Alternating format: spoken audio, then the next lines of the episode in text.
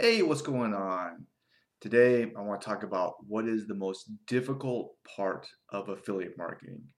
What do you think it is? What would be what would be your answer? Well, on the top of my head, I'm going to go with insecurity and fear of judgment by far. It really is a big, big thing. And it's probably one of the most difficult parts of this business, okay? And it's just not in business, but just in life in general. Look at how many people uh, try to keep up with their neighbors, the Joneses, what society tells them what's right. A lot of people live their life for other people. I'm getting kind of deep here, but there's some truth to that. Um, buying things you can't afford to impress people you don't like, to go to a job that you don't like, and round and around we go. It's a rat race. It's insanity. People do it every day. Okay. Uh, so in affiliate marketing, you really have to throw yourself out there to the judgment of the world gets to judge you, you know, how you look, what you're saying, you know, everything. Um, and it can be a very hard thing for some people, and I had to overcome it. And anything in this business mostly comes down to a fear, inner thing that you just have to overcome. Uh, fear, false expectation that appears real, right? It's you know, it's not even that bad. Um, in my old channel, a lot of the times I wouldn't even look at the comments because I got in some pretty some pretty nasty comments, and I was like, excuse me, I don't want to look at those comments. Uh, I just couldn't take the negativity, and this was actually a big, big mistake. I'm trying to get better at this, but I'm not perfect. Uh, but sometimes uh, people are right, and so you have to, you know, you have to face that. Um, and sometimes people just they got problems in their own lives, and they just, you know, they just leave nasty comments just to, just to just throw up and up, throw up on people or something. Um, I made a video a while ago, you know, just for the heck of it. I thought it was a really interesting video cool, and how to trick a slot machine. And uh, I think it's a great video, very educational. And uh, the negative comments in that video just exploded, which is fascinating because it helps the video get more views or whatever. But it's like people just feed on each other. The negativity is just like crazy.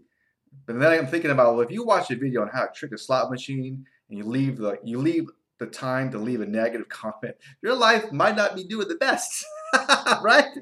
So, uh, but you know, it is. Um, I'm trying to get better. There's some funny comments in there too, but you know, you gotta have trying to get better at you know engaging with people, especially the negativity out there.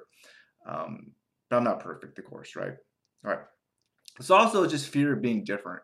Another big fear in this business um, I know it's the same thing with me. You know, you know, when I don't have the perfect videos, the perfect lighting, the perfect thumbnails, and um, of course, if you read books out there like Differentiate or Die by Jack Trout, which is a great marketing book, he talks about being different. It's a good thing. It's a very good thing, uh, making you stand out. Um, so you, you definitely want to be different a little bit in marketing. You think that's true? I do. Uh, it's the same reason why people dress in fancy clothes, because maybe they're masking an insecurity out there. Um, fake it till you make it, right? Do you think there's truth to that? Could be. Um, another big, big challenge for me was a fear, um, and this is personal. By each person is different. You, there's demons you have to overcome, and it's different for each person. Usually in affiliate marketing, it's not always how to do it or the method, but it's something deeper that people have to overcome, like even myself. But it was actually not getting help.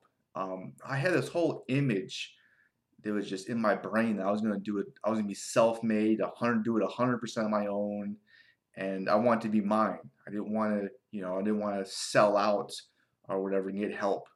And it was the number one thing holding me back for such a long, long time. It was so stupid. And it was just all big insecurity and um, you know asking for the right help at the right time might just be the most difficult thing for some people out there really can be. So so in summary the most difficult part of, of this business is not it's not the perfect technique or method. It's more of an inner thing okay it's different for each person. Uh, it, it probably comes down to a fear you have to overcome okay? And even you know making videos or whatever, uh, fear of looking stupid, being judged. And what really helped me is going overboard and purposely making myself look as stupid as I possibly could. Um, I did that in a video actually. And um, once I realized that it wasn't even that big of a deal, it helped me overcome that. I just went on the extreme side.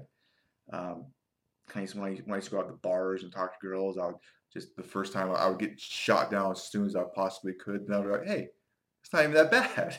it just helps you. Um, but before that first rejection, you're like scared, like, oh man.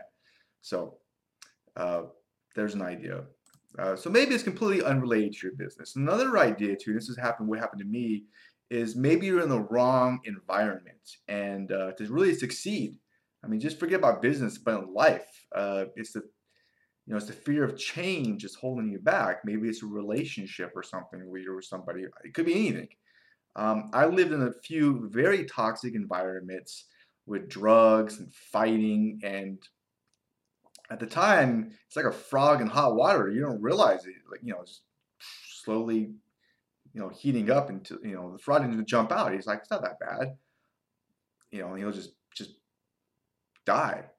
But um, you know, looking, you know, if, from another perspective, you're like, wow, I can't believe I went through all that stuff, you know. So, um, no, whatever the most difficult part of this business is, you have to face head on, and uh, that's the only way you can win.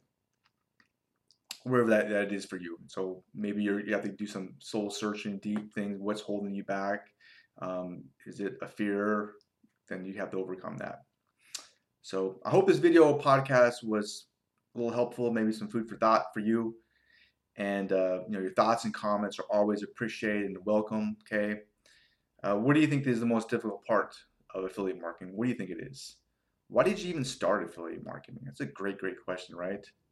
Um, and lastly, there really is no perfect way to do this business. There's a lot of different ideas and approaches, and um, but knowing how to promote offers uh, to your list is such a valuable skill that trying to learn that on your own it's just not very smart. And i know that from personal experience.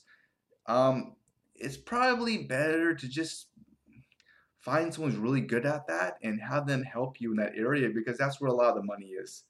That's something that i really believe in strongly okay because it helped me out a lot. And there's one guy that really helped me out a ton. Um, there's only so that's why I kind of do mention him because um, he helped me out a lot in this business.